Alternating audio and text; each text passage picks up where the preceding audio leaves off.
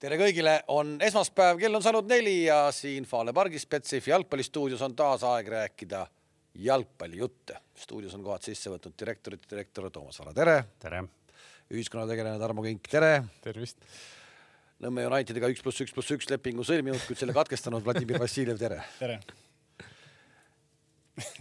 eile oli gala, kõigil suud kuivavad. eile oli, eile oli gala. Vladimir, sind me ei näinud galal, et kas millega tegelesid samal ajal kui võr, äh, võrkpallirahvas, jalgpalli jalgpallirahvas äh, pidu pidas? naisel oli sünnipäev, olime kodus sugulastega. palju õnne! aitäh! palju õnne! ja tervitame siit aga ei, ma, ma ka siit äh, kaadri tagant kuulsin, et äh, tagasihoidliku inimesena, nagu sa oled, et äh, sa arvasid ka, et, et võib-olla ei ole nagu hea minna sinna juba ametist lahkununa lava peale tähistama koos esiliiga võitnud meeskonnaga. me võime sulle küll öelda, Vladimir, et see oleks olnud vägagi sobiv, et selle, kui sa oleks tagurpidi olnud, siis oleks olnud võib-olla veider, et kui sa uue treenerina oleks sinna aga kas, ma vaatasin seda ülekannet eile mingi kakskümmend, kolmkümmend minti, siis see Nõmme Unitedi osa mul oli nägemata, ma vaatasin seal mingeid muid, nägin mingeid muid asju aga kas seal äkki oli juba Nõmme Unitedi uus peatreener kohal või? Äh, me tegelikult tuleme selle teema juurde, sest me kindlasti tahame äh, Vooaga rääkida Nõmme Unitedist ja, ja lõppenud hooajast, aga, aga sinna me alles jõuame.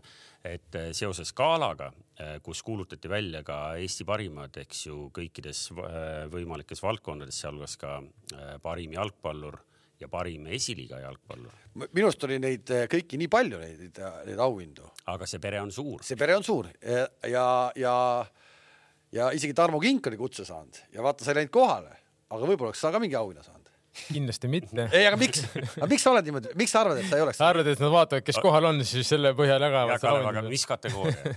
mis asi? mis kategoorias? jalgpalli arvamusliider jalgpalli arvamusliider Tarmo Kink. kolmanda põhjatsooni paremused neljas ründaja või? ei, sa ei ole seal, kas seal sa ei ole? aga ei, aga, aga äh, tegelikult, mis mulle jäi silma ehk et noh, sina vaatasid lihtsalt, eks ju, ülekannet ja niimoodi nagu noh, ütleme nii, sa ei süvenenud ju onju. ei, ma nelikümmend. pealiskaudselt. jah, pealiskaudselt jah, niimoodi vaatasin jah. mina süvenesin aga minu arust oli see äh, äravahetamine sarnane eelmise aasta. vaata, kuule, esiliiga parimaks mängijaks tunnistati kes? Unapuu. nii ja mul oli tegelikult ka see nagu väga kummaline ja kui ma vaatasin neid häälest äh,, hääletamist, siis ma ei näinud seal ühtegi korda, et keegi hääletaks Demidovi nagu kasuks. minu arust nagu see oli nagu kõige parem mängija, sest kui vaadata tema resultatiivsust, et äh, väravad pluss väravasöödud, siis tal oli neid üle neljakümne. ja ma arvan, kui näiteks vaadata, kes valiti Premium liiga parimaks, Kostja, et tema nagu resultatiivsus oligi nagu sööt pluss värav kõige suurem ja ma arvan, Demidov oleks väärinud olla esiliiga parim. sa ei pannud ju. sa vastasid juba ära mu küsimusest. sa ei pannud, sina ei pannud pannud ju Egertit, onju? ma ei saanud panna oma mängijaid, jah. aa, sa ei saa panna oma mängijaid? ei saa panna oma mängijaid? ahah, ei saa panna, siit me saame ühe vastuse, sest mul jäi silma, keda sa panid ja ma mõtlesin kohe, et oot-oot, et näed, et siin äh, parima võistkonna treener, eks ju, ise valis seal, eks ju, ma ei tea, mingeid teisi mehi, ma ei mäleta peast, kes sul seal olid äh, Kristal oli Kristal oli kindlasti jah. ehk et, äh, ehk et siit saime nüüd sellele vastuse ka, et, et, et võib-olla siin mõni mees ja, ja võib-olla lähedalt vaatav mees näeb isegi asju teistmoodi, kui lõpuks välja kukkus, kuigi ega me ei taha me ei taha ka Egertilt äh, no ütle ära, ütle ära, sul ei ole kahtekümmend euri või? me ei taha ka Egertilt midagi ära võtta ah! jõuluaeg kindla, kindlasti ta seda tiitlit ka ikkagi, ikkagi väärib ka päris palju, et seal oli Henri Leoke sai seal arvestuses teise koha, nii et kaks Unitedi meest olid seal nagunii äh, esimese kahe koha peal. ja ma arvan ka nagu, et Õunapuu tegelikult oleks aus, kui ta saaks seda parima väravaküti tiitli, see on nagu noh fine, ta nagu sai mingi auhinna, aga ma arvan, et see, et nagu Demidovit üldse ei olnud selles pikas nimekirjas, see on nagu häbi, häbi nendele treeneritele, kes hääletasid, siis järelikult keegi ei süvenenud nagu. kuidas seal on, kas seal hääletavad ainult treenerid või seal mingid funktsionäärid ja, ja ajakirjanikud ja ka niimoodi ka nagu on Eesti parima sportlase valimised? esiliiga omasid hääletasid ainult äh, ainult treenerid, ainult treenerid, no siis tegelikult kompetentsi võiks ju olla tegelikult. ja, ja see nagu kummaline, et ka nagu ma mõtlesin peas nagu mitu-mitu korda käis nagu. mis see kummalist on, kui vahe on kolmkümmend punkti, siis aga, aga lihtsalt nagu noh, kuidas võimalik võimalik, et nagu Demidovi ei hinnata nagu, kui vaadata tema statistikat, see on uskumatu, mis ta tegi see aasta. ja mitte näha seda, et tegelikult nagu arvatavasti Egert lõi viiskümmend protsenti oma väravatest tänu sellele, et Demidov andis temale väravas sööta, see on ka nagu fakt. ja see, et keegi ei andnud üht, isegi üht häält nagu Demidovi poolt, noh, see on, näitab lihtsalt nagu ma arvan, kompetentsust see on ikka kummaline, kui seda üldse ei ole no.. no vot, nii et me saime siit ka äh, poolkogemata põneva intriigi, mis võib-olla siis äh, kuuleme pärast, kas tuleb mõni reaktsioon ka sellele. aga kas äh, Eesti parim meesjalgpallur, nagu Kalev ütles, parimaid väga paljudes erinevates kategooriates auhindu anti palju, kõigist rääkida ei jõua, kas Eesti parim meesjalgpallur on Karol Mets kaks tuhat kakskümmend kolm? Mina isiklikult arvan, et jah, kui vaadata lihtsalt tema klubi, kus ta mängib. just, klubi poolt on ju. just, just, just, just. et ma arvan, nagu koondises nagu kuni vaadata lihtsalt, kus koondise sees mänginud, siis väga raske kedagi esile tuua. aga just, kui me süveneme sinna, et mis klubis mängib, mis tasemel ja kui regulaarselt ta mängib, siis ma arvan, igati väärt. aga ma arvan, et kogu see esikolmik tegelikult ütleme, Joonas Tamm ja Markus Poom üldse kogu siis see, see parem sarjastus tegelikult see on pandud ikkagi nagu klubide põhjal ongi, sest koondise nii-öelda tulemuse põhjal ei saa mitte kedagi panna. ei no nagu raske muidugi sealt koondisest nüüd välja noppida kogu selle noh, pudru seest nagu mingisuguseid, mingisuguseid kirsse, eks ju, väga raske. ja, aga et... see on üks üle pika aja esimest korda, kus ma näen, et valitakse enamus ajast äh, on ju valitud, et kes, kuidas koondisest mängib, tänu sellele antakse ka siis aasta parima mängija tiitel, et äh, pigem on ikkagi õige, et see valitakse, mis sa rohkem klubis teed, ma saan aru, emotsiooni pakub Eesti rahvale ja võib-olla siis ajakirjanikele see, mis nagu koondises toimub, aga tegelikult me peame vaatama, et need inimesed on kolmsada päeva klubides mängivad. ja kui me ei, nagu seda üldse arvesse ei võta ja vaatame nüüd seda kuute mängu, mis me mängime siin rahvuskoondises, siis see ei ole samamoodi kompetentne, see ei ole okei okay, nagu.. nõus, nõus, häda ilmselt on võib-olla mõne aasta sees olnud selles, et need väljas mängivad mehed, nende klubid on kuskil äh, oi-oi, neid no, ma võiks neid näiteid, selle ma isegi ei viitsi laskuda, ma lähen närvi, neid näiteid ma võin tuua aastast alates, ma ei tea. ei, aga ei no toome kasvõi meie, noh praegu võtame, Hendri Anier, ta sai äh, üheksand, ta oli parem selles üheksas mees. ta oli tagapool äh, Vassiljevist, Zappinenist oli tagapool äh, üheksas mees, kuus punkti kogus siis kogu selle punni peale. kelle, kelles, kellest ettepoole sa ta oleks pannud? No ma ei, no ma ei tea, me peame teda ikka praegu just. no ta, ta ikka, ta, ta, ta, ta, ta lööb väravaid. Sapineni mänginud terve see hooaeg põhimõtteliselt ja aga nii palju kui mängis, nii palju oli tast ka no. ja, aga sa ei saa niimoodi jälle võtta, mis mõttes, mis mõttes kasu nagu, et mitte nagu Sapinen, mitte no, me nägid, tahaks. Sapinen ei olnud, siis ma räägin, Sapinen ei ma saan aru, aga okei okay,, aga teda ei olegi, sa ei saa teda arvestada, aga teine no, inimene mängib, lööb kuskilt, on hetkel Hongkongi üks parimaid väravaid. oleks ta jaanuarikuus vigastada saanud? ei, ta lööb, ei ta klubi eest lööb ikka väravaid ju. ei, ma, ma, ma räägin Sapinen, et noh, et miks Sapinen pandi kahel korral pandi ka äh, kaks, kaks hääletajat panid Sapineni äh, aasta parimaks mängijaks. ehk et see väike panus, mida ta kevadel jõudis, noh, ikkagi on kaalumise küsimus, eks ju, ja ma arvan, et noh, see, et ta siin. aasta parimaks mängijaks pandi. kaks venda panid.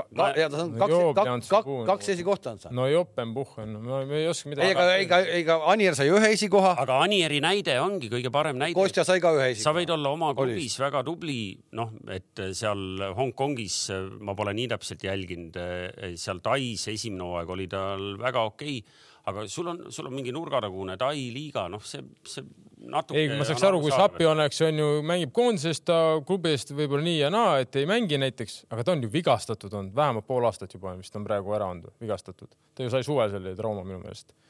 enne seda ta läks, kuskohast, ta läks Poolast vist, lõppes leping või siis ja. ühesõnaga sai free transferi ja läks Iisraeli, oli nii ega enne seda Poolas ju, ega ta ka ju ei tea, mis palju mängis vist. No vot, aga siis. millal, millal see trauma tuli, ta üksikud... mängis viimased mängud põhimõtteliselt märtsis vist või millal see ausalt oli? ja siis oligi, kuna ta oli koondises kogu selle hilinema, hilisema tausta peal tagantjärgi arusaadavalt oligi nagu hea, siis see mõjutaski nii palju, ma ütlesin kaalumise küsimus, et noh, kas need kaks-kolm mängu noh, kaalub. ei no kõigil on oma õigus muidugi selles mõttes. kas äh, Vova, see äh, list, kui sa vaatad seda, kes sinna üldse kümne hulka sattusid, kas kedagi on ebaõiglaselt ära ka unustatud või? Näe, ma võin sul. no ma loen sulle ette praegu Karol Mets, Joonas Tamm, Markus Poom, Karl-Jakob Hein, Mattias Käit, Maksim Baskotši, Konstantin Vassiljev, Rauno Sappinen, Henri Anine, Hanier ja Martin Vetkal on siis see küm-, kümme Eesti parimat. no kohe niimoodi nagu ei tule kedagi meelde rohkem et võib-olla te võite öelda kedagi, siis ma ütlen. ja ei, meil ei ole siin nagu intriigi toimetaja ette no Dunjov võib-olla seirad sees ikkagi mängib lööb väravaid. lööb väravaid jah. ja et selles mõttes nagu, et võib-olla oleks võinud listis sees olla, et aga no suurel määral ega see listi nagu väga ütleme top kolme või nelja või viite ilmselt poleks muutnud. ma arvan, kui panna lihtsalt nagu koondis pluss klubi nagu kokku, siis noh, pigem need ja on eespool. jällegi Vetkal võib olla küsimus, et ta ei mänginud nii palju koondises nüüd ja Roomas ka mängib Primaverat, treenib küll seal esindusega vahest, aga. top kümnes. jah, et võib-olla siis Dunjov võikski olla see kümnes, et Vetkali asemel, kui mõelda lihtsalt jällegi, kus ta. noh, Vetkal on saanud täpselt selle viimase emotsiooni emotsiooni pealt on saanud yeah, selle top kümne kohast. jah, okei okay,, aga noh, ta on väga tubli olnud ka yeah, selles mõttes, et aga et kui sa oled kümnendal kohal, no suurel määral ega seal ei olegi vahet, et mm., et Sapi või Anier ka, ega seal ka ei ole vahet, aga lihtsalt nagu noh, et üks nagu ikkagi mängib reaalselt, teine on ikkagi raskelt vigastatud, on ju väga pikalt olnud, et siis nagu mul see küsimus tekib, mille, mille põhjal me täpselt nüüd siis nagu hindame no.. aga kokkuvõttes väga vahet ei ole.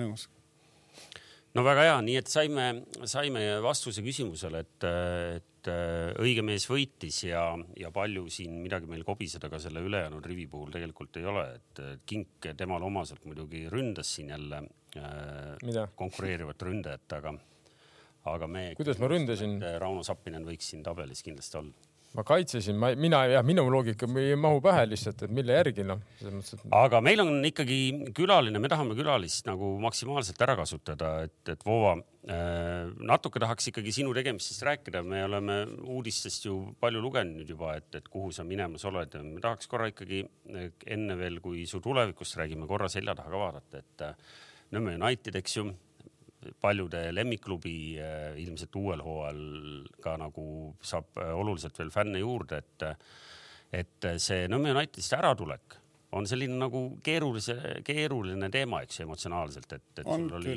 sul oli väga hea hooaeg selja taga, sul ilmselt see töökeskkonna mõttes see klubi oli suhteliselt okei okay, nagu töökoht ja, ja siis tullakse välismaalt äh, suure rahakotiga autod selle..., autod, läikevad autod. kui ma, kui ma ütlesin sulle selle alguses selle üks pluss üks pluss üks, sul oligi tegelikult selline leping yeah., ma pole isegi kuulnud, et oleks üks pluss üks, ma tean, aga üks pluss üks pluss üks on ju tegelikult nagu kas see oli algselt sinu enda tingimused, teeme sellise või, või klubi ütles, et teeme ühe, ühe aasta kaupa või? see oli klubi poolt pakutud ja mul ei olnud selle vastu midagi, sest sel hetkel nagu ma, ma kuna noh, selles mõttes ma alati töötan idee eest ja ma kunagi ei vaata raha, no raha on teisjärguline, pluss leping ka, ma ei ole eriti pädev nende lepingutega, ma pigem nagu, kui mulle pakutakse head projekti, siis ma lähen sinna. ja selle, selles mõttes, et nad pakkusid mulle kolm aastat, siis ma mõtlesin, ja me alla kirjut-, kirjutame alla kolmeaastast lepingut ja pärast, kui ma nägin paberi peal üks pluss üks pluss üks, see pigem andis mulle mingid vihjed, et äkki nad äh, ei usalda lõpuni mind. aa, see oli ikkagi niimoodi jah ja,, et... et sul räägiti kolmest aastast, aga ja. tegelikult pandi kirja üks pluss üks pluss üks. ja see, no nad. aga tõmbas vehe nagu suu viltu ka, et kuule mehed, te lubasite midagi muud ju. ma, ma, ei, no ma nägin ju, mis paberi peal oli kirjas ja ma allkirjastasin selle, see ei olnud no, niimoodi, et ma allkirjastasin. Kalev, kas sa ei ole kunagi notari juures avastanud, et notar loeb sulle ette, et äh, hea Kalev Kruus, et kas sa saad aru, eks ju, et nüüd sa mõtled, nüüd ma siin juba istun kuidas ma ütlen teistele kuulge mehed, et ma arvasin hoopis teistmoodi. ei, mis minul ei ole notari juures küll ühtegi sellist.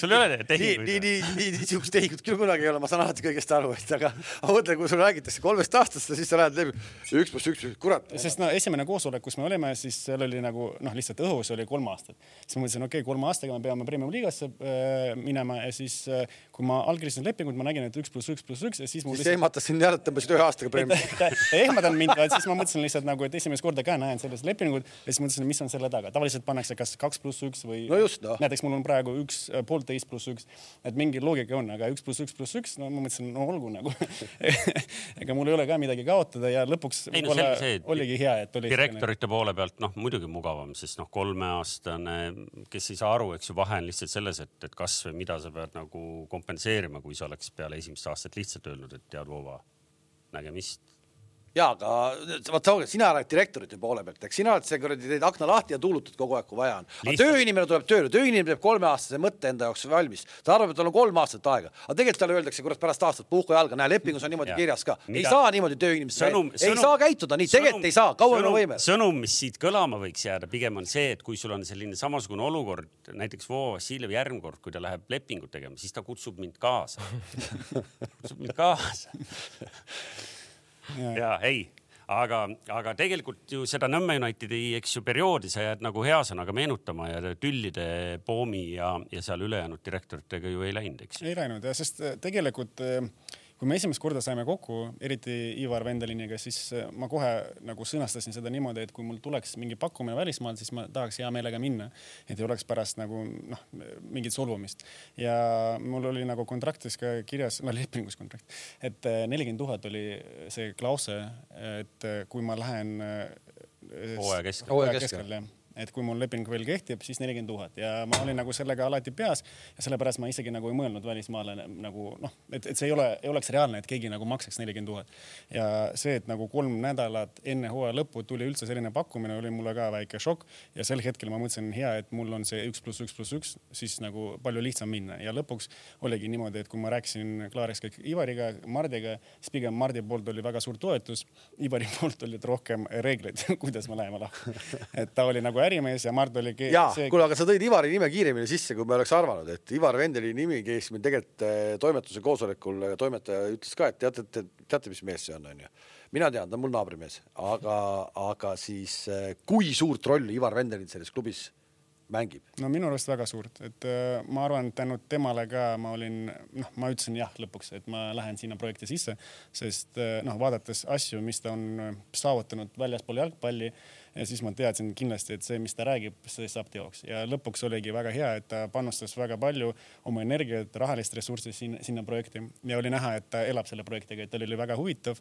Äh, ka võib-olla see on seotud sellega, et ka ta äh, poiss mängib seal meeskonnas, aga üldiselt nagu ma pole kohanud sellist nagu ütleme sponsorit, äh, omanikku või kaasomanikku, kes oleks nii palju hingega nagu sees selles projektis, et jah, Viktor oli vaadata, kui võrrelda, siis ta ka on väga hingega sees, aga teda nagu sa näed vähem. eks sa tegelikult ei saa tema kohta nagu öelda, et ta on puhtalt ainult selline, kes paneb raha lauale ja nõuab, vaid ta ikkagi nagu tahab asjadest aru saada, ta elab selles asjas sees ja, ja ta on selles protsessis nagu sees, ehk ja. tegelikult tal on justkui nagu mingi sõnaõigus no, õigusega välja teenitud. ja, ja temaga nagu ma rohkem isegi suhtlesin kui Mardiga lõpuks, et äh, temaga mul oli peale igat mängu me vestlesime äh,, nädalatsüklis vestlesime, et kogu aeg mul oli temaga väga hea kontakt ja lõpuks oli positiivne lahkuminek, aga lihtsalt noh äh,, kui ta nõuab, no mitte nõuab isegi, kui ta küsib midagi, siis tema vastu ei lähegi, sest ta on nii palju andnud mulle ja meeskonnale, siis me noh, leidsime kompromisse, kuidas me läheme lahku ja oli väga kõik okei. okay kuule, aga panustamisest rääkides, et tegelikult ju meid huvitabki praegu, et mis me seda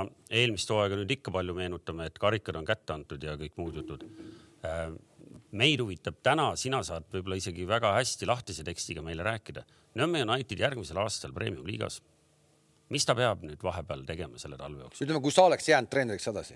no kindlasti leida, ma arvan, et umbes viis lisamängijat, et äh, ma leiaks igasse liini kogenud venda kes hoiaks distsipliini liinides, pluss siis võib-olla kaks lisaprojekti, need võivad olla noored välismaalased näiteks, keda võib edaspidi nagu rahaks teha, aga kindlasti umbes viis meest on vaja juurde tuua.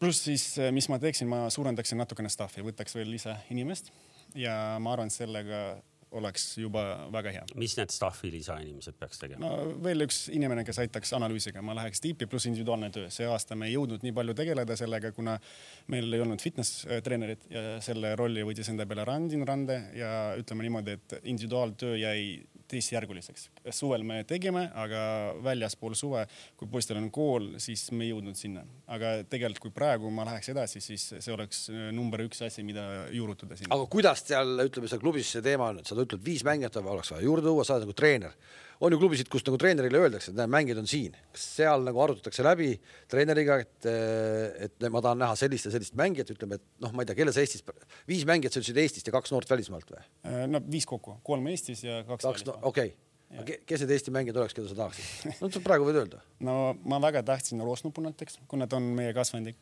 mulle väga meeldiks ta roll.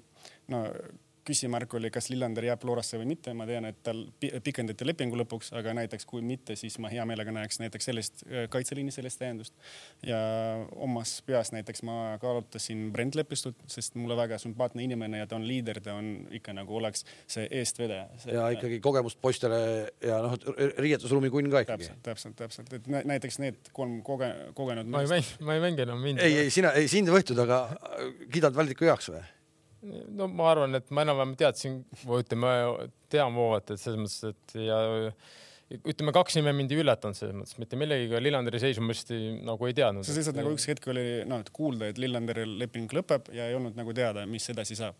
ja kui me nägime, et Flora pikendas, siis ei olnudki küsimust enam, aga noh, teda tahaks ka näha, et minu arust ta ka on äh, kuidagi seotud Mart Poomiga, äkki ka kasvanud. ei ole, ta on ju Paides pärit. Paides, võib-olla, ma võin eksida ja, ja siis eh, noh, kindlasti näiteks Tõuges üks inimene, keda ma tahaks, ma mõtlesin, kas laenule või mitte, aga siis selgus, et Flora ikka nagu panustab tema peale, aga ta oli ka nagu, kuna ta on Nõmme eh, Unitedi kasvandik, siis ma tahtsin teda näha seal kaitseliinis. et üldiselt nagu me kaardistasime kõik kasvandikud, kes praegu väljaspool Nõmme Unitedit ja tahtsime neid tagasi tuua.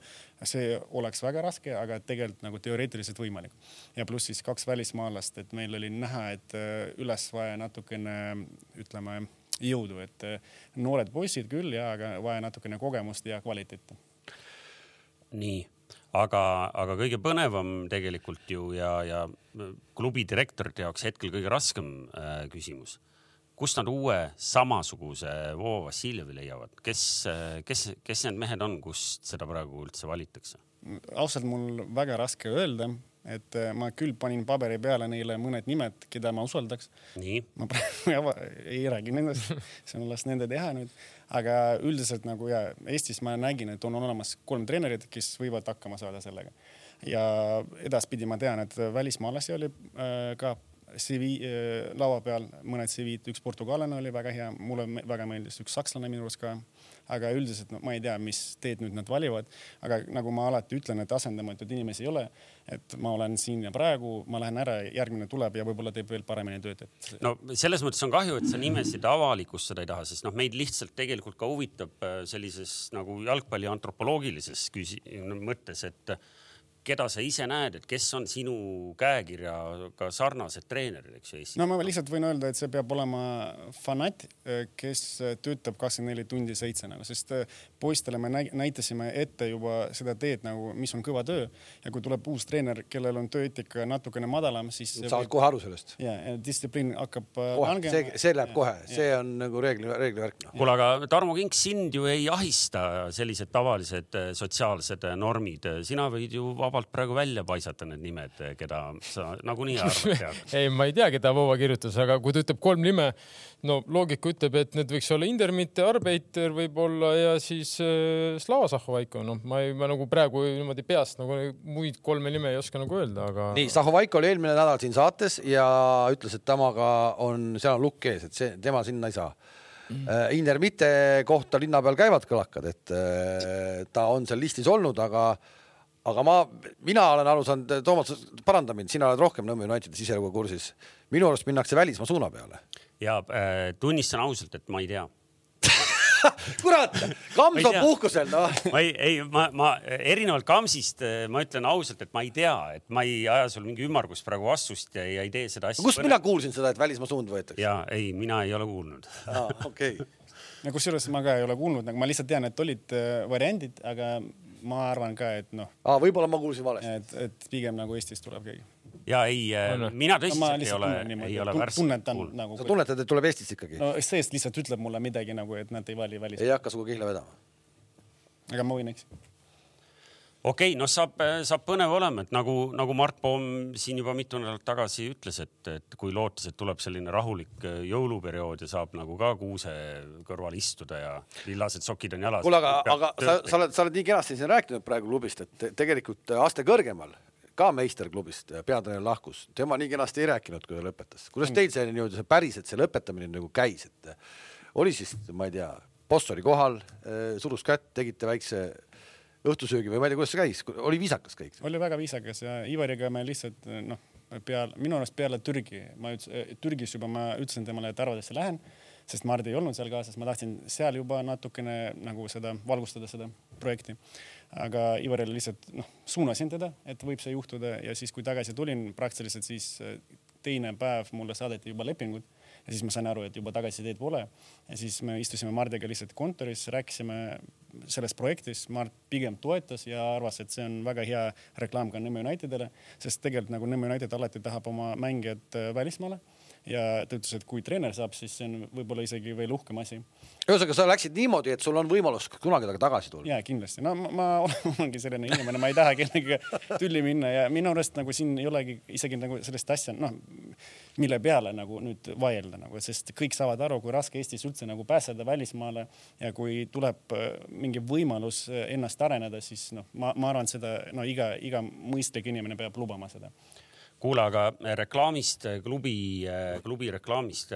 Nõmme Unitedi küljes on selline silt, et on üks Eesti edukama, edukavamaid kasvatajaklubisid, kasvatajaklubisid, eks ju et äh, me rääkisime siin juba äh, nagu sellest äh, esindusmeeskonnast, äh, mille peatreener sa olid, aga nüüd sa oled natuke aega seal ikkagi näinud ka klubi nagu üldist toimimist. mis selle Nõmme Unitedi nagu siis sellise edu nagu taga täpsemalt on?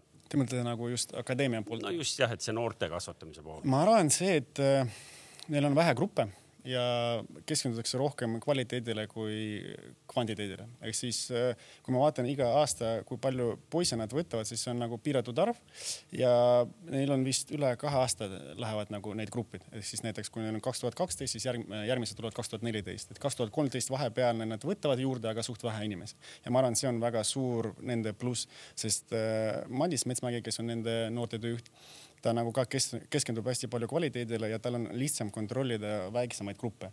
ta nagu, tal on, ma ei mäleta täpselt palju treenereid, seal oli minu arust kuus või seitse need peatreenerid ja siis äh, nagu nendele hästi palju tehakse individuaalvestlused, tema jälgib neid nagu äh, filmib neid kaameratega, pärast analüüsib ja selline nagu pidev töö käib, et mis võib-olla teised klubid ei saa endale lubada, kuna näiteks noh, Floras on hästi palju lapsi ja ma kujutan ette, kui Trasbergil raske kontrollida seda kõike, siis tal läheb ikka nagu hajusam see nagu vaade nendele gruppidele ja siis tal äh, palju rohkem läheb aega, et näiteks esimesest treenerist viimaseni teha kõik need arenguvestlused. Madisel on see palju lihtsam, pluss siis kindlasti on need tingimused, et näiteks talve, talvel nad saavad korralikku trenne teha hallis, see on ka suur pluss, sest näiteks ma mäletan, kui me Levadias töötasime, meil sellist võimalust ei olnud, siis kõik poisid trennivad äh, jää peal ja kindlasti seal kvaliteedile ei saa keskenduda, see on pigem nagu selline lihtsalt fun, et tulevad poisid, mängivad midagi. ei, absoluutselt kõik arusaadav no.. ja et noh, see on nagu suur pluss nagu ja ma näen lihtsalt ja et, et vähe gruppe ja saab äh, korralikumat tööd teha. aga see,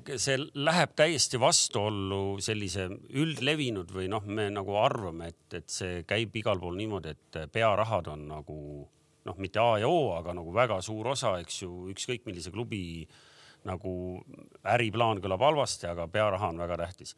ja sellepärast äh, me oleme siin mitmeid kordi rääkinud, eks ju, noored lapsed korjatakse kokku, klubid on suured, rahvast on palju ja ja kõik no, ma toon veel kord ühe, ma toon, ma toon, ma toon ka veel kord ühe näite, et ühes, ühes grupis on seitsekümmend poissi nimekirjas.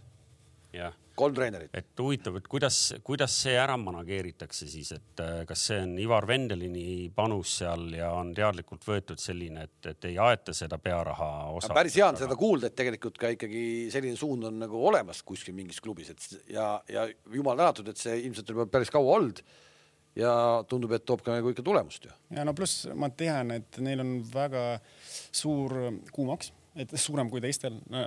ma arvan, et nelikümmend euri suurem kui Levas oli siis, kui ma tegin seda üleminekut, et Levadias minu arust oli kõige suurem kuuskümmend euri kuus ja neil oli sada. ehk siis tegelikult nagu see, selle pealt juba nad, nad saavad mängida natukene, pluss Mart Pomm müüb mängijaid ja see raha tavaliselt lähebki akadeemiasse, et arendada seda edasi kunagi, kui Risto Sarapik leiab lõpuks aega ka meie saatesse tulla peale kõiki neid lubadusi, siis saame uurida ka teise sarnase, natuke sarnase kuvandiga klubi Tabasalu kohta, et kuidas neil see on, on läinud, sest nemad, nemad on ka suhteliselt hästi nagu noori peale kasvatanud. Aga ei, selge, ma ei tea, kas tõmbame Nõmme Unitedi teemadele äh, joone alla ja, ja räägime ikkagi su natuke su uuest tööst ka, sest äh, me tahame sinuga rääkida kindlasti ka veel Eesti koondisest nii tagasivaatavalt kui ka siis. ei no üldse meil nädala jooksul, nädala jooksul toimus ka ju Eestis päris palju erilisi, aga, see, see projekt, millega sa nüüd, millega sind Slovak-, Slovakkiasse meelitati, räägi meile täpselt, mida tähendab nagu projekt selles mõttes või see sinu projekt, mis asi see on? no ühesõnaga minuga võttis esimest korda ühendus üks äh, skaut ja tema küsis mult, kas mul oleks huvitav Slovakkias teises liigas töötada sel hetkel ma pigem olin skeptiline, aga ma ütlesin, olgu, ma kuulan nagu mi, mi, mida te võite mulle pakkuda, et see ei olnud nagu, no ta ei nimetanud mulle kindlat klubi, kuhu, kuhu otsitakse treenerit. Siis ma ütlesin, olgu, räägime. Siis mulle helistas juba spordidirektor, see uus, kes tuli praegu sinna, ütleme, esindusmeeskonda spordidirektoriks, tema ise töötas äh, Dnipros äh, Ukrainas, ta oli seal spordidirektor, pluss ta on Rebrovi Ukraina koondise assistent ehk siis ta töötab äh, Ukraina koondises, A-koondises, pluss tema roll on veel, tal on üks oma scouting suur süsteem, kus nad näiteks needsamad kaks brasiillast, kes on praegu Levadias, tulid läbi tema.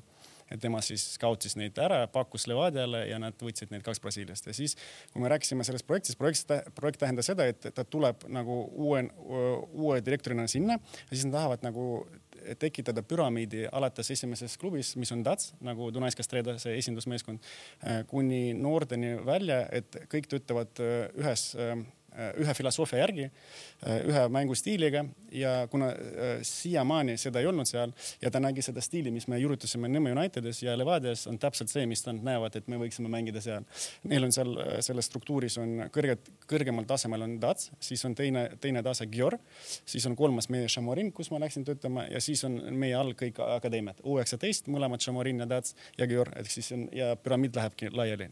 ja siis lõpuks nagu praegu on põhirõhk Šamorin pluss U19 meeskonnad pluss Gior U19 ka, et siis leida kõige talendikamad ja mängitada neid läbi Šamorini ja siis pakkuda neile varianti seda, et järgmine samm on neil kas Gior või siis äh, Dats. oota, oota korra kui sa läksid sinna põhimõtteliselt sedasama stiili, mida siin mängitakse, hakatakse seal klubisiseselt viljelema, miks sulle siis kohe nagu esinduse peatreeneri kohta ei anta? sest minu sihi on natukene tagasihoidlikum ja see projekt nagu, millest ma räägingi, nad tahavadki kasvatada arvatavasti minus nagu järgmist treenerit ja vahet ei ole, kas see võiks olla Gior, see võiks olla Dats, võib-olla kusagilt veel. et nad nagu lõpuks, neil on see püramiid väga tugev, nad tahavad nagu väga tugevaid treenereid nüüd kasvatada oma filosoofia järgi, et nad oleksid järgmised, et vahet ei ole näiteks, kui nüüd Datsi peatreener mingil põhjusel peaks lahkuma, no näiteks üks uus väljakutse, siis neil oleks kohe omast äh, süsteemist võtta järgmine treener. ja siis see nagu variant on olemas ja see on väga atraktiivne. okei okay,, see kõlab uhkelt, see kõlab väga uhkelt. Äh, ajalises mõttes ka kõik ei saa juhtuda nii kiiresti, nagu juhtus Nõmme Unitedis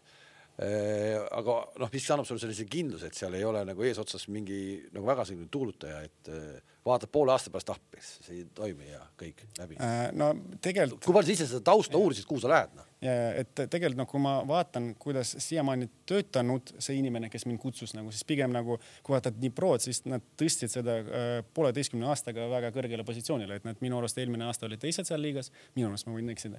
ehk siis see aasta ka seal noored neil on esimestel kohtadel ja Dnipro mängib väga hästi. ehk siis see inimene on teinud Ukrainas väga kõva asja nagu, et siis ta tõestanud mulle sellega, et siin võib ka õnnestuda et tema ise arvas nagu, et nüüd nagu Ukrainast tahab lahkuda ja tahab olla nagu mingis teises projektis ja tema, ütleme, portfoolio andis mulle kindlust, et ma võin usaldada seda inimest. Kas, äh, kas, mismoodi sind leiti, ehk et ma, ma olen kuulnud nagu linna pealt lugusid, kuidas nagu mehed äh, küsisid su käest, et kuule, et me vaatasime seda su eelmise nädala mängu ja miks sa seal tegid sellise vahetuse või et miks sa ei teinud nii või noh, umbes mingeid selliseid lugusid olen kuulnud ma esimest korda kuulen. et äh, ta ütles, et. sa kuuled neid lugusid noh. oot, oot, oot. et ühesõnaga, nagu ma ütlesin, sellel spordidirektoril on oma süsteem nimega PAS, kus on hästi palju skaute ja nad töötavad äh, alates Brasiilias, lõpetades Austraaliaga, kõikide nende riikidega. Nad skaudivad kõik mängijaid äh,, treenereid ja siis minu CV sattus kunagi nende laua peale, et ma olin nende süsteemis ja äh, ma arvan, üks nendest inimestest, kes võib-olla kunagi soovitas mind, oli Zurab Tšegava, kes mängis Levadias. et tema on selle direktori käe all mänginud Dünamo Kiievis ja siis ja ta kogu aeg tõi mind nagu võrdluseks, et kui ta oli Levadias, ütles, et ta teab ühte inimest, kellel on sama filosoofia, mis minul peas ja lõpuks nagu see läkski niimoodi, et, et see inimene, kellega ta võrdles mind nagu kutsuski mind, aga lõpuks oli minu CV nende süsteemis ja nende scout äh, teadis, et Šamarinis on klubi äh, treeneri vahetus ja tema lihtsalt pakkus, et Gleb selle direktori nimeks, et ütles, Gleb, vaata, siin on üks väga huvitava äh, mängustiiliga treener, et ma arvan, ta võib sobida. Gleb saatis laiali seda kolmele inimesele, seal üks nendest oli üks hispaanlane, kes ka praegu töötab Ukraina koondises.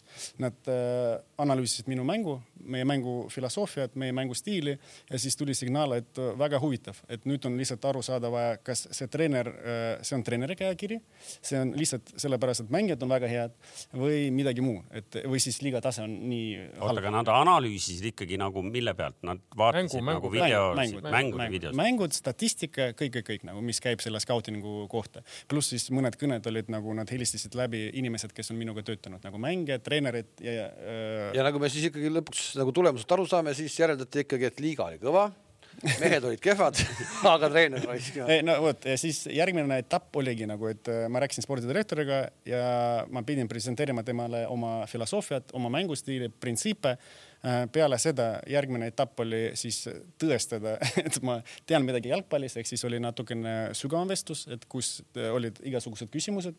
kolmas etapp oli, ma istusin äh, Zoom konverentsis äh, koos nende selle kõige püramiidi CEO-ga ehk siis äh, direktoriga, kes, see on üks belglane, tema siis äh, manageeribki seda nagu tervikusüsteemi. pluss oli äh, Šamorini direktor ja peale nende aktsepteerimist, siis neljas etapp oli juba, kus me rääkisime, ütleme direktoritega lepingust nagu, et tingimustes, ehk siis tegelikult oli väga-väga sihuke nagu noh, minu jaoks oli kolm nädalat väga intensiivset tööd. jätab päris Ja- ja sellise pinged, tõsise asja mulje, et niisama naljavärk ei ole. leping on üks koma viis pluss üks, eks ju, seda sa märkasid Jah. lepingust lugeda, eks ju. Et äh, mismoodi sul need eesmärgid siis nagu on kirjeldatud, sul on praegu, sul on praegu ülesanne antud nagu hak- hakata nagu ehitama või lähtuda mingist filosoofiast, panna seal mingid noored tööle ja, ja, ja teise liiga sats. aga et kas nad panid sul ka, ütlesid, kuule, et arvestades teise liiga sats peab lõpetama hooaja vähemalt äh, noh, mingi koha peal või kuidas, kuidas see sul nagu seal kirjeldatud on? et äh, praegu kokkulepe selline, et miks poolteist, sest esimest pool aastat meil on äh, faas, kus me peame siis noh, kuna Šamorinist alustati, ehk siis me peame ütleme, tõstma klubi professionaalsust, tõstma organisatsioon, organisatsioon, organisatoorseid asju ümber klubi. jah, aga need on Pluss- kõik asjad ja-, kuidas see mõõdik on? ja, ja ma räägin ja siis no mõõdik on selline, no liigas me ei lange arvatavasti, kuigi seal ei ole kõik väga praegu turvaline. aga mõõdik on see, et noh, see spordidirektor on igapäevaselt meiega tööl ja siis tema siis jälgib, kuidas me töötame igapäevaselt, annab meile tagasisidet, mis on ka väga positiivne, sest enne seda nagu tegelikult sellest tagasisidet suht vähe oli. et äh, siin on väga kompetentne inimene, kes saab meid nagu õpetada ka koha peal ja siis äh, me peame neid noori, kes meil praegu jäid nagu meeskonda, üritada selle poole aastaga äh, upgrade ima või siis kuidas nagu arendama sellisteks, et keegi neist saaks juba järgmist sammu teha suvel esindusmeeskonda, et see on ka üks mõõdikutest, ehk me peame nagu nendega kõva tööd tegema. et äh, küll see on väga subjektiivne mõõdik, et kas keegi jõuab sinna lõpuks, aga näiteks tänaseks päevaks me juba kümme inimest saatsime äh, minema klubist, ehk siis me tegime siukest puhastust kahe nädalaga, mis me oleme seal. Ja nüüd siis võtsime kuus äh, U19 mängijat Datsi akadeemiast. Ehk siis nagu. oota, kümme tükki juba sa juba lasid uksest välja või?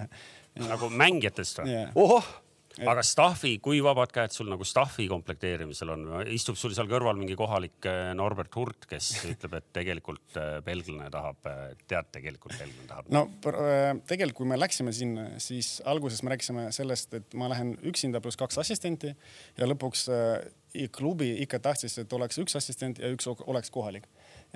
Kuigi see kohalik, kes pidi olema, ta ka vahetas klubi, ta läks Sparta Praagi naiste meeskonda, esindusmeeskonda. Ja siis praegu otsitakse seda kolmandat, et ma ikka nagu igapäevaselt pakun neile, et äkki ikka toome Eestist nagu, sest mul on inimene, keda ma tean, keda me võiksime juba siis äh, kiiremini adapteeruda sinna, kiiremini panna treeningprotsessi, aga kuna see inimene peaks teadma slovakkia keelt, sest ta on U19 ka peatreener, siis ja natukene raskestatud see, aga lõpuks ja et see staff'i, staff'i ütleme, komplekteerimine ka nagu sõltub minust, et kui mulle ei meeldi see inimene, siis noh, me ei hakka temaga töötama, ehk siis noh, suht vabad käed, aga need assistendid, kes mul praegu on seal, see väravahtitreener ja fitness treener väga kompetentne. see, see on ise. keda sa Eestist tuua tahad?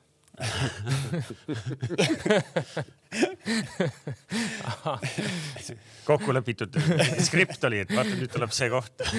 toimetage nüüd ette. Tarmo, Tarmo, Tarmo oli terve saade vait, kurat, see oli kolmekümne seitsmendal minutil, kas läks juba mööda või? ja aga, aga tegelikult see on, see on tegelikult on nagu põnev jutt, sest äh, ju läbivalt, mitte ainult meie saates, see ei ole, see on nagu suurem teema, et vaata Eesti jalgpallitreenerid väga palju väljapoole Eestit tööle ei satu, eks ju ja, ja loomulikult lihtne on vastata, et, et okei okay,, et noh, tee tulemust ja noh, et siis sind märgatakse. aga, aga noh, meil on hea näide, meil on Jürgen Henn, eks ju, kes on äh, siin kõik, kõik viimased hooajad enam-vähem äh, ära võitnud Floraga. on viinud, mitte võitnud ühe- vaid viis ka ikkagi euroalagrupp. ühe telefonikõne saanud Soomest, eks ju ja, ja palju rohkem praegu muud ette näidata ei ole.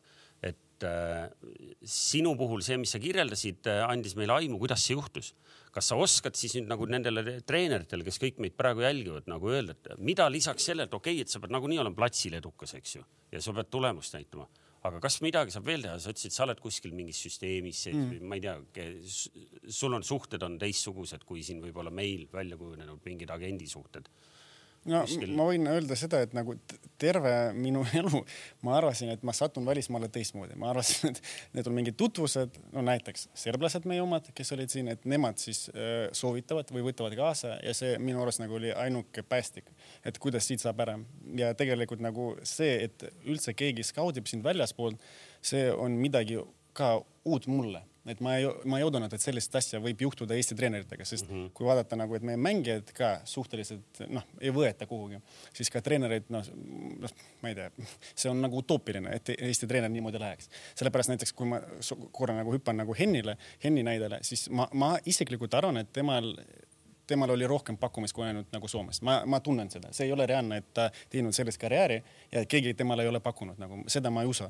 ei, ei, ei ei usu, ei usu, sest kui mind märgati nagu Nõmme Unitedist nagu, siis ma usun, et Henn on alati äh, ammu radaril, aga võib-olla siin on küsimus lihtsalt, kas Henn tahab sinna keskkonda minna nagu, et äh, kindlasti see on väga nagu selline nagu suur samm nagu oma äh, komfortsoonist mm, -hmm. et sa lähed sinna, no näiteks ta ei läheks äh, Hoiakosse mis on nagu meister, aga ta läheks näiteks äh, KTP-sse näiteks, et see on tegelikult temale väga suur väljakutse.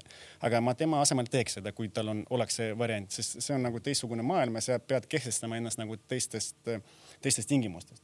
ja ma arvan, tal olid pakkumised, millest ta ei räägi, aga lihtsalt ta, ta ei taha seda vastutust võtta, kuna see on noh, sihuke fifty-fifty alati nagu, kas sa lööd läbi või mitte, võib-olla sa peale seda keegi üldse sind enam ei taha, sest sa ju lähed. ja see on keeruline turg ka, et noh, pärast äh, tuled, äh, pead tagasi tulema ja noh, me näeme kõik, et ega siin nagu sellise äh, töökoha leidmine ei ole väga lihtne. aga kui tulla tagasi nagu, mis peab tegema, siis ma olen kindel, et tuleb väga-väga-väga detailselt planeerima oma mängustiili, dokumenteerima seda ja valmistama enda printsiipe nii kui ka paberil detailselt kui ka video pealt, et sul peab olema noh, me nimetame seda game of book ehk siis nagu mänguraamat printsiipidega äh, tekstina ja videonäidel, mida sa saad presenteerida teistele, kui sul tuleb mingi pakkumine, siis kui sa ei ole selleks valmis ja tuleb mis iganes klubi välismaalt sulle midagi pakkuma, kui sul ei ole tugevat CV-d, sa ei ole hispaanlane või keegi muu, siis sind nagu hakatakse katsetama väga-väga tugevalt nagu. Ja siis nad hakkavad lööma sind igalt poolt,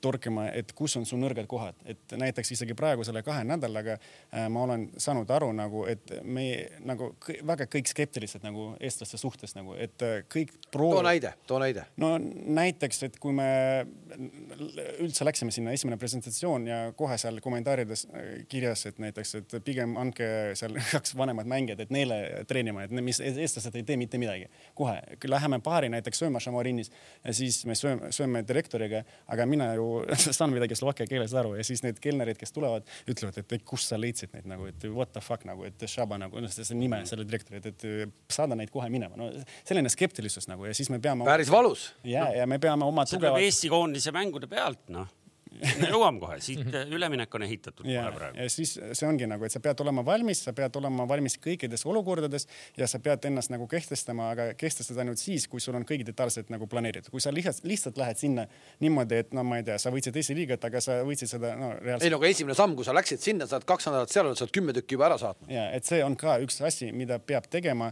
selleks, et näidata, et, et sa tuled sinna mitte mängima nende reeglite järgi, vaid sul on kindel idee, kindel filosoofia, kindel strateegia, mis me tahame jõuda ja kuhu me tahame jõuda. ja selleks on vaja nagu sul õigeid inimesi enda ümber, et kui sa näed, et noh, miks näiteks me tegime puhastust, et ei olnud nagu halb kvaliteet mängijad, nad olid praktiliselt samasugused nagu U üheksateist, aga nende ambitsioonid, sa näed silmades, et nad ei ole valmis ohverdama endaga, aga me saame saavutada ainult läbi kõva tööd seal.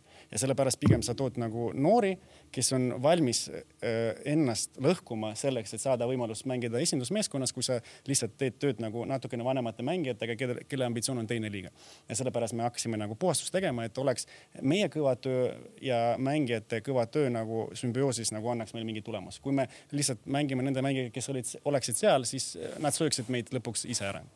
ja, ja okei okay,. veidi, veidi vaatan siit, kuulan seda juttu ja samas vaatan äh, nooremat kolleegi Tarmo Kinki, kes peaks praegu märkmeid tegema ja selle kõik nagu endale sinna. märkmed on siin.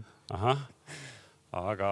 ei no mis selles mõttes, et äh, ma olen ju Vovaga töötanud koos kaks aastat selles mõttes, et äh, kõik, mis ta räägib, ei ole minu jaoks mingi üllatus ju. ma olen ju alati kiitnud äh, Vovat, alati kiitnud serblasi, sest ma ju tean, kui detailselt ja kui pühendunud nad oma tööd teevad, et selles mõttes nagu et noh, võib-olla paljude jaoks siin on väga palju üllatusi, mida nad kuulevad, aga minu jaoks siin ei ole ühtegi üllatust selles mõttes, et kui keegi ei tea, siis me ju Vovaga endiselt suhtleme edasi ka isegi peale seda, kui me lahkusime Levadiast, on ju, serblastega ma suhtlen samamoodi edasi peale seda, kui nad lahkusid Levadiast, et ja see, mis ta räägib, noh, ütleme, et seda on hea kuulata, aga noh, ma arvan, et ta ei saa, on vähe asju, millega ta saab mind üllatada, et see kõik, mis ta räägib tegelikult ju toimub ka mängijatega, Eesti mängijatega, kui sa lähed välismaale. et milleks väga paljud ei olegi valmis, et me mõtleme, me lähme ja siis me noh, kirjutasime alla, nüüd visatakse punane vaip, noh ei visata. sind hakatakse samamoodi, sind hakatakse kohe pannakse proovile. raskeks läheb alles? ei, see on alles see, et sa kirjutasid lepingu, see on väga tore, aga nüüd hakkab ju real life hakkab nüüd alles peale, kui sinna jõuad. mis sa mõtled, et siis mingi ungarlane tahab sulle öelda, et aa, Tarmo, sa tulid, muidugi võta mu koht, ma ise lähen kuhugi Šamorinni sinna teine liiga seal, Györi Eto tead ise püramiid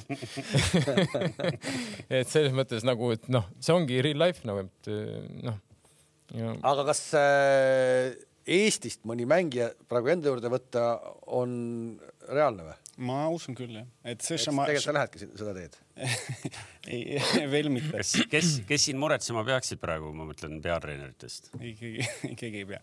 lõpp, lõpuks nagu, kui näiteks ma praegu võrdleks Šamarini ja näiteks Nõmme Unitedi, siis Nõmme Unitedis ma arvan umbes kolm mängijat saaksid hakkama sellel levelil. nüüd küsimus lihtsalt, kas nad suudaksid nagu seal ennast kehtestada ja siis nagu mängitada ennast nagu esindusmeeskonda, see on küsimus, ma ei tea, sest äh, see liiga on natukene teistsugune võrreldes Eesti. aga sul on kiusatus proovida? jah, ma nagu hea meelega annaks võimaluse, aga praegu mul on Nõmme Unitediga ka sihuke kokkulepe, et ma ei. ei torgi või? on nii, ai no nii, aga me saime me saime igal seda on ülimalt huvitav jälgida, mis nüüd saama hakkab, et, et me, tead, me läheme külladele, ma tahan näha seda, mismoodi seal kelnerid midagi mögisevad. ma vaatan, võtan need kelnerid. kui sa uksest sisse tuled. võtan need kelnerid ise korra, too snitslit, noh. ei, ma arvan, et seda on jälgida põnev eh, kogu eh, Eesti sellisel nagu jalgpallikorra eh, kogukonnal üldisemalt ka, sest noh, just nimelt, et ikkagi meie treener läheb välja ikkagi keskkonda, kus ei ole niimoodi, et sul on mingi, mingi ettevalmistatud kõva sats, et noh, tule, et sa oled siin nüüd nagu no,. ma arvan juba, juba kerge paikapanemine on see, et sulle ei antud autot, nagu sa ütlesid, et sa lähed ikkagi oma autoga kohale, see on juba kergelt nii, et sa pead nüüd kolm kuud tõestama, äkki saad ikkagi auto ka. jah, ma loodan nii, aga eelmisel nädalal saime siis äh, mõneti ootamatu uudise, et äh, Eesti koondise peatreener Toomas Häberli ei lahku ja jätkab. Äh, et meil on hea võimalus praegu siin üheskoos ikkagi arutada, et, et kas või mida siis nüüd Eesti koondiselt oodata, visates korraga pilgu üle õla ja vaadata, mis, mis juhtus sügisel, et, et Voova, kuidas sulle tundub, et nagu hästi lihtne küsimus jah-ei vastusega, et kas, kas oleks pidanud peatreeneri välja vahetama või mitte? no ma ei vahetaks ausalt et ma tean. sa ei sobi, sa ei sobi praegu siia stuudiosse. ei no tegelikult nagu minu, minu idee on see nagu, kui Häberli suudaks praegu tuua tagasi seda Eesti koondise mängu, mis, millega ta tuli sisse, siis oleks väga äge ja ma arvan, see on reaalne.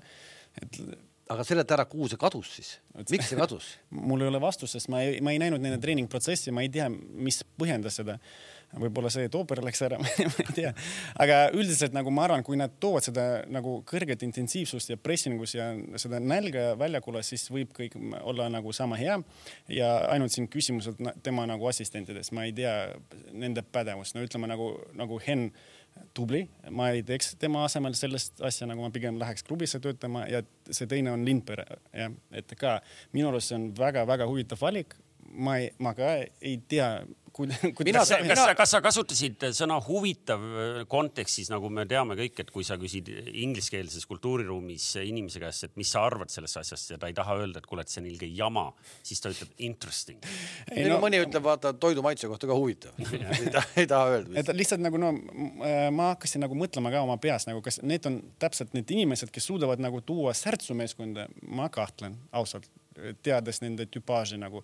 Henn pigem nagu kõva töötaja, aga ma ei tea, Lindpere pigem nagu noh, minu silmades, nii palju, kui ma olen temaga õppinud, siis pigem lobiseja nagu, mitte see. selleks, aga aga ta, aga ta lobisebki. aga, aga ma arvan, ta. aga ta, aga lobisemiseks ta võetigi sinna satsi, ma saan aru. see ongi ta roll. ma ei tea, kas ta suudab nagu need seda kollektiivi panna nagu särtsekamat äh, väljakul tegutsema, see mul on nagu väga suur skeptilisus, kuna ta nagu ka suht, ma ei, ma ei tea, millal ta viimati üldse nagu väljakul oli või tema roll ongi ainult see, et ta riietusruumis istub, ma ei tea, nagu see, see ongi nagu minul nagu küsimus.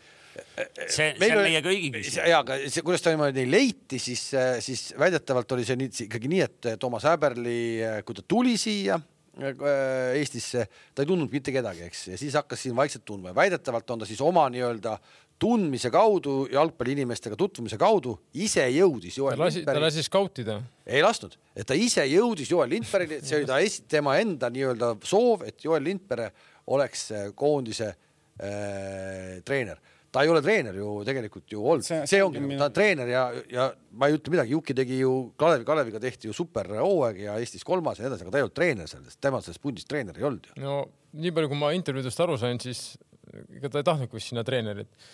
minu meelest pole siiamaani tema käest küsitud, mis ta roll saab olema ja ta pole tegelikult vastanud konkreetselt sellele küsimusele või ma olen valesti aru saanud või ma sellest nendest tekstidest, sest mina pole tegelikult saanud reaalselt siiamaani aru, et nagu mis ta nagu roll veel on, et okei okay,, ta on nagu nii-öelda siis see sild selle treeneri ja mängijate vahel, aga mis ta roll nagu on nagu veel, äkki ta ei peagi selle väljakul olema, võib-olla kuidas see, kuidas see üldse praktikas seal... välja näeb, et äh, istub ei, seal? ei, mis praktikas, samamoodi võib see praktikas välja näha, nagu ega kui ma läksin Levadiasse, ma olin ka ju nagu Tuha Juhan nagu see tegelikult nagu treeneri nagu mind Voova ja Marko võtsid, ma olin ju lapõõrik, ega ma ei jaganud mitte muhvigi, no ma mõtlesin, et ma jagan, noh, tegelikult ma ei jaga midagi, noh, sest ma olin lihtsalt endine mängija, mind võeti ja lihtsalt eh, ütleme siis, et meie harmoonia oli siis nii tugev, et ma nagu sobisin sinna meeskonda, ega ma mind ei võetud sinna mingi oma teadmiste pärast, noh. mind võetigi, et võib-olla, et on ju teha seal võib-olla kellelegi hiljem mingi aja pärast alles, ega ma kohe ka poleks saanud, kui Voo oleks mulle öelnud eh, eh, esimene aasta kohe, kui ma läksin Levadiasse, palun tee individuaalne töö, no ma oleksin,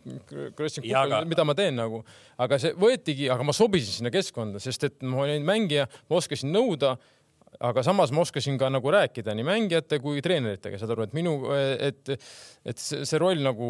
ja, aga sa olid ikkagi pigem abitreener, kes aitas ka treeningut läbi. ja, ja ma tahtsingi, et ma, ma torbikuid praegu, panna ka. meil on praegu kuvatud, meil on praegu kuvatud pilt, kus on niimoodi, et ütleme, koondis koguneb, tehakse treening ära ja siis öeldakse Jukile, öeldakse, et Joel, nüüd on sinu see pool tundi, kus sa riietusruumis räägid meestele lugusid. lobised.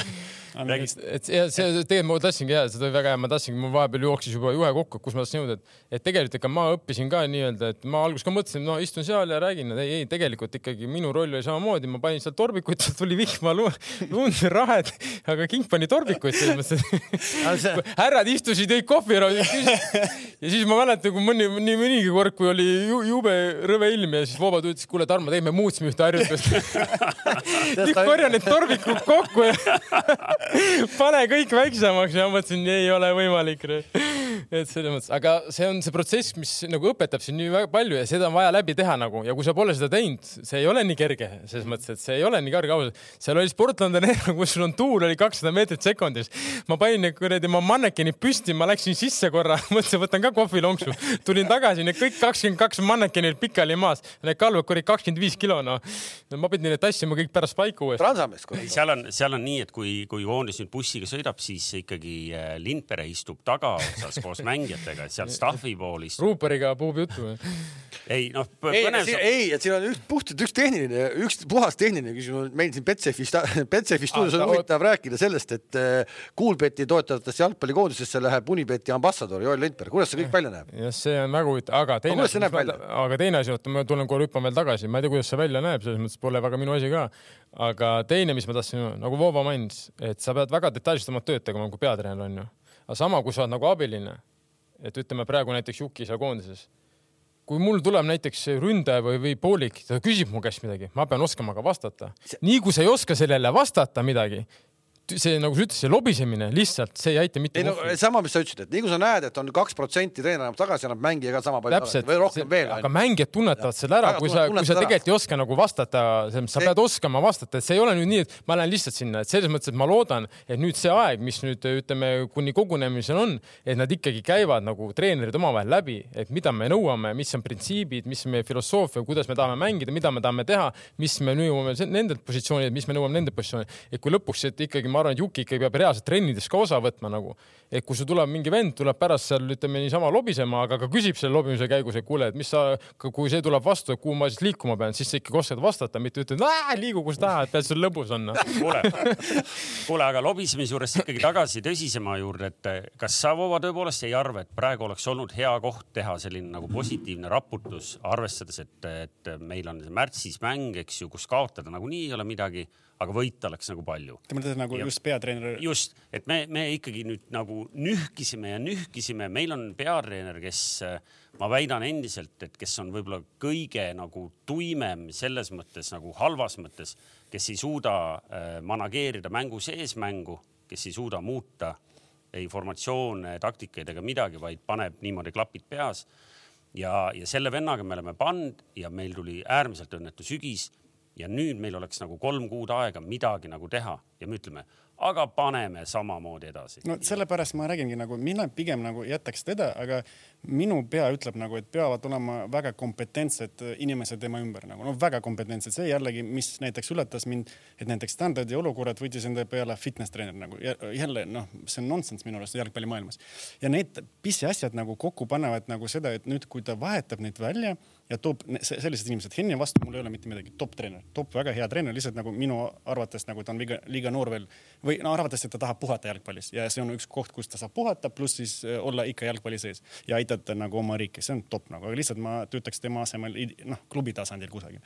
aga näiteks toob Lindpere nagu, kellel noh, ta on nagu direktor nagu ta, ta on nagu jalgpalliväljakul hästi kaugel. Ja sa tood sellist inimest juurde pigem siis kaalu näiteks Zahavaikat, miks mitte, miks mitte nagu ta on praegu noh, tal, tal ei ole klubi, kus ta töötab. jälle Limperel on, on veel lisatöö, aga näiteks Zahavaikud täiesti vaba inimene, tal on väga äge temperament, ta võib ka nagu teda seda slaavi verd nagu sisse tuua, nagu raputada natukene seal mehi. tal on väga head jalgpalli. no me rääkisime eelmine saate sama asja temaga siin, ta istus sinu koha peal, me sama asja rääkisime. tal on jalgpalliteadmised, tal on nagu, ta on nagu perfektne minu arust nagu inimene, kes võib ka sind nagu, tal on selles mõttes, tal on olemas oma mina ja ta võib sulle vastu vaielda mingis asjades, näiteks kui sa ütled, me läheme niimoodi mängima, siis ta võib-olla saab sind natukene provotseerida, aga miks mitte niimoodi ja siis nagu lõpuks leida mingit vastust. mõni ütleks, et raske iseloom. ja, aga minu arust seda on, ongi vaja sinna nagu, sest praegu on seal nagu. mugavustsoon on niikuinii. just, et noh, mina valiksin teisi inimesi. Hen, okei okay,, ja pluss võib-olla üks veel lisatreener nagu, kes aitaks, sest kuna koondis on ainult kaks nädalat seal nagu kohapeal või palju nad on seal, isegi vähem vahest nagu nädal aega, selle ajaga sul vaja nii palju tööd ära teha. Ja kui sul lihtsalt nagu üks assistent, see, kes ainult räägib nagu sellest on vähe, ta peab rääkima, ta peab olema väljakul, ta peab äh, võib-olla äh, mingit nalju viskama seal, okei okay,, seda Juki arvatavasti oskab nagu Lindberg, ma ei tea teda nagu inimesena, aga minu arust ta nagu hoiab seda distsip-, noh, oskab emotsiooni luua, siis ta peab analüüsima nagu, ma ei usu, et Lindberg hakkab analüüsima rääkima, ehk siis seal on nii palju asju, mida peab tegema, kuna ma olin seal. et sul ei ole lihtsalt aega selleks, et ainult rääkida, sa pead kõike nagu tegema. ilmselt seal staff'is ikkagi on ka võib-olla mingeid väiksemaid muid muudatusi selles mõttes, et mitte personaalias, aga võib-olla tööülesannete mingeid ringijagamisi, ma ei. ma ei tea, ma ei oska ma ei oska. ma räägin siin, mul oli eelmine esmaspäev pärast saadet president helistas ja ma võin seda vabalt rääkida Äh, seesama põhjus, formatsiooni muutust, et miks ta ei muuda. Äh, nad ütlesid, esiteks nad ütlesid, nemad ei sekku, ta nimetas kolm nime, tema, Janno Kivisild ja Tarmo Lehiste, nad ei sekku treeneri protsessi, tööprotsessi, nad ei sekku. Neil hakkas omale ka silma see, et me mängime nii-öelda viiese liiniga, et see ei toimi meil. neljasega ei saa, meil puuduvad äärekaitsjad, oli väidetavalt äh, Häber löönud. me ei saa mängida niimoodi. tegelikult oli seda küsitud, kas me muudame midagi, ta ütles, et me ei saa muuta, meil puuduvad selle jaoks mängijad Kostja Vassiljevi nii kaua meeskonnas nii-öelda A ja O olemine tuli ka neile äh, siis sellele kolmikule üllatusena, et alguses oli häber löönud, mul on teda väga vaja, kõik said aru kolm aastat tagasi, aga nüüd, et kolm aastat hiljem jätkuvalt on ta nii-öelda A ja O, on pisut üllatus. tegelikult oli justkui ka juhatus juba kokku kutsutud pärast äh, Rootsi mängu vist äkki või? aga siis otsustati, et me ei saa kokku, kuna nad nägid, et noorenduskuur hakkas ikkagi peale. oleks seda noorenduskuuri peale hakanud, oleks muudatusi tehtud niimoodi sain mina äh, jutust aru. see, see viiene, neljane kaitseliin, minu jutt ei olnud üldse sellest, mida ma kogu aeg räägin, on see, et sul hakkas mäng, mis iganes tehti enne mängu, plaan. Sul hakkas mäng peale, su vastane, nagu meil Eesti koondisega tihti on, on sinust tehniliselt parem, kvaliteetsem, mis iganes ja me ei näe, et ta suudaks mängu keskel mingisuguseid asju nagu ringi mängida. ei no üldiselt kõikidega sellega, millest me siin räägime siin saates, oli president väga nagu nõus, ta ei vaielnud mul, tegelikult ei vaielnud mitte kiita? ei, mina ei saanud, Tarmo sai, sina said, ta palus kiituse edasi öelda, et, et, et kõik nagu hästi. et tegelikult, tegelikult kõik oli õige ja ütles, kui poleks hakanud seda äh,, aga see tuli olude sunnil tegelikult minu arust see mingi noorenduskuur ju, see tuli ju olude sunnil kes sai katki ja nii edasi. see ei tulnud nagu jah. see ei tulnud nagu ju loogiliselt, aga see sattus, sattus tulema ja kuidagi nagu läks paremaks ka. ja sellepärast otsustati, et nüüd läheb niimoodi edasi, läheb Äberliga edasi ja ma saan aru, et see nüüd on see play-off mäng, mis nüüd tuleb kui seal on natukenegi normaalne, siis tuleb Balti liiga kohe otsa ja pärast seda vaadatakse siis uh, uuesti asjad üle. No, küsimus on, kui sul, no sa ütled, et meil ei ole neljase kaitseliini jaoks nagu äärekaitseid nagu, mu küsimus kohe vastu oleks, kas meil on wingback'id siis olemas selle taktika jaoks või?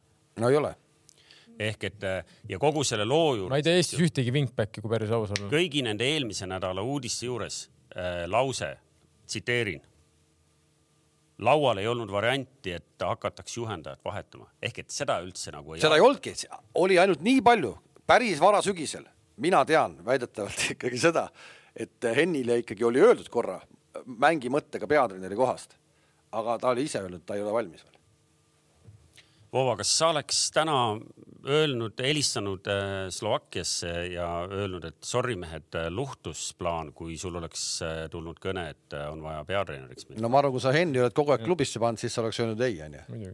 ütleme niimoodi, et siin on alati nagu kaks poolt nagu ja kindlasti see on väga prestiižne A-koondise olla peatreener.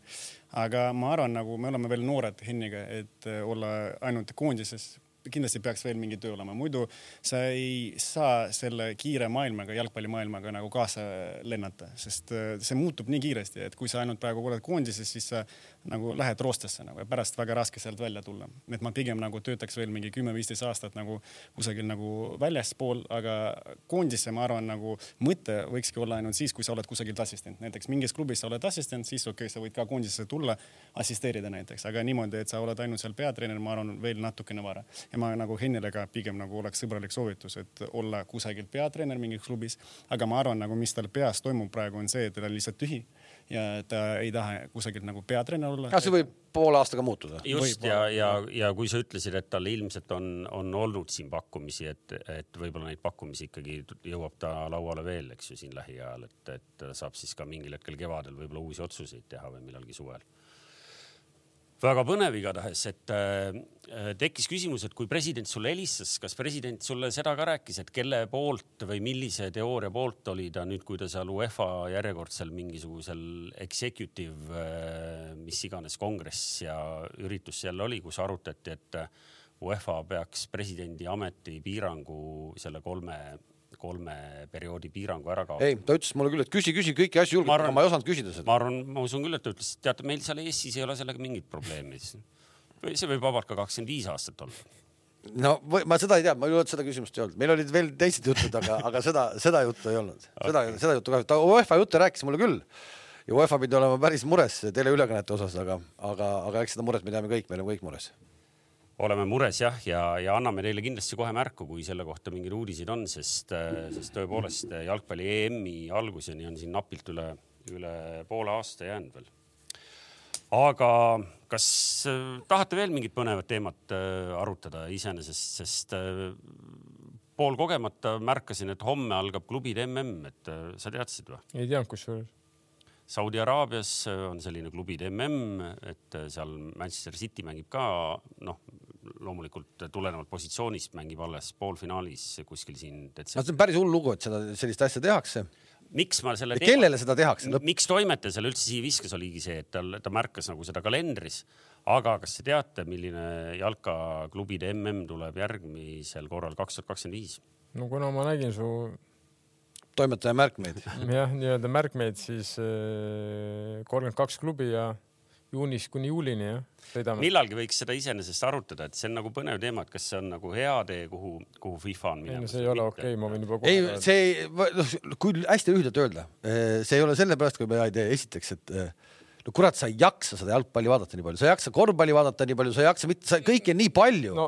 puhtalt see, kellele seda tehakse. teine on ju see, et nagu, mis me tõesti tahame, need mängijad kurat puruks rebida nagu, et. Ja seda- saan aru, seda- ongi, seda aga küll, seda, see on juba, saad aru, see on juba nonsense nagu, kuhu me lähme nagu, kas me teeme nüüd kõiki asju siis nagu raha nimel nagu, et need jalgpalliklubid ja. ei lõpuks tapad selle, sa, sa tapad selle põnevuse kõigega ära seal on. See tapab mängijaid ära. mängijad tapad niikuinii küll sa ära. neid huvilisi leiad, seal on nii, et noh, kui sul on kolmkümmend kaks satsi, seal oli vist kaksteist Euroopas ja siis kaheksa Lõuna-Ameerikast ja nii edasi.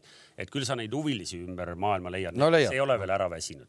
aga, aga kujuta nüüd ette, sul on äh, üks Inglismaa, eks ju, tippsats, eks ju, kes on mai lõpus lõpetanud hooaja, siis öeldakse, et nüüd meil juunis-juulis tuleb veel mingi selline tramburai mm. Mhm. -hmm. no vot, kuidas need vennad seal ära manageerivad, noh siis või lähevad siis koolipoisid peale, Chelsea kutsub kõik oma ma viissada ma saadaks kõik Google'i vennad, aga ei, nüüd, nüüd sellepärast tuleb see, case. ei sellepärast Manu hoiabki praegu ka stabiilselt selle top kümne kohta, aga sinna ette ei kisu, et nad ei peaks mängima. aga pane tähele, sinna pannakse väga rajud rahad ja noh, nii et küll need klubid sinna kohale lähevad ja küll nad seal pusivad, et lihtsalt see ongi nagu sportlase nagu arvelt jälle noh.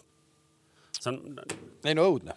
see tuletaski mulle meelde, kas te nagu olete näinud, noh, sportlased peavad kannatama. Newcastle viimases viies mängus, viieteist päeva jooksul viis mängu, sama algkoosseis, sest pole mehi võtta, sul on nagu kõige rikkamate omanikega klubi, noh, okei okay,, seal ei jõudnud veel palju endale kokku osta, sul on nii palju vigastuid. Need mehed peaksid minema nüüd juunikuus veel sinna klubi. Nad ei lähe, ära muretse, nemad ei lähe. ei, ei ole lihtne see jalgpalluri elu. nii, millal siis reis ette võetakse? tagasi lähed? arvatavasti kuuendal jaanuaril lennukiga või? rattaga. ühesõnaga ja siis on juba nii-öelda püsivalt minek ja, ja, ja, et kaheksas jaanuar meil ametlik esimene treeningupäev ja sealt edasi kolmas märts on ametlik esimene mäng ja Gioriga mängime kolmteist jaanuar esimest sõprusmängu. Teete mingi soojama laagri ka või? ei tee ja et seal on tingimused väga head, selles mõttes, et isegi esindusmeeskond jääb äh, sinna, sest eelmine talv nad käisid Türgis ja näiteks seal no ütleme, Ungari piiri peal ei olnud lund, aga Türgis sadas ja siis nad otsustasid, et see Pole aasta mõtet minna. ja sest neil on äh, kaks muruplatsi soojend-, soojendusega, siis on äh, kunstil ka soojendusega, et äh, iga noh, vahet ei ole, kas sajab või mitte, seal peaks olema väga head tingimused, et selleks, et treenida. Kui sinna Giori klubisse satud, siis äh, klubihoones vaata ringi ka, meil on siin üks mees on rääkinud, kuidas äh, tema portreesid pidid seal iga, iga nurga peal olema. ära kuule, ta peale nädalavahetuse esmaspäev kohe saade, siis tal on ikkagi raske veel noh. me ise Okei. okay., me ise kahtlesime ka selles. aga siis on kõik tänaseks väga tore, et meil on sellises jalgpallis sellised inimesed nagu sa oled, et eh, super on, super on sind kuulata ja, ja, ja saame siis näha, kuidas see, kuidas see minema hakkab. meie oleme tagasi veel korra siis sellel aastal järgmisel esmaspäeval. kas direktor on siis ka tagasi või? tagasi on või? ja sina lähed ju ka homme reisile. mina lähen jalgpalli, jalgpalliga tegelema. oota, kus sa läksid? Newcastle, Newcastle AC Milan kolmapäeva õhtul, väga tähtis mäng. Newcastle heas hoos praegu. Kõik on hästi, väga aga sa, aga positiivne sa oled tagasi ikka või? ja ma olen esmaspäevaks kenasti tagasi ja räägin teile, kuidas siis käivad suurel statkal asjad. vägev, vägev. aitäh sulle. no lähme me siis lund rookima, Tarmo. kõigepealt käime sinu hoovis ja siis vaatame minu hoovis. aga teile siis kõigile ilusat jalgpallinädalat. jalgpalli mängitakse väga palju, nagu te teate, saate aru ja, ja kohtumiseni nädala pärast esmaspäeval siinsamas. nägemist nägemist.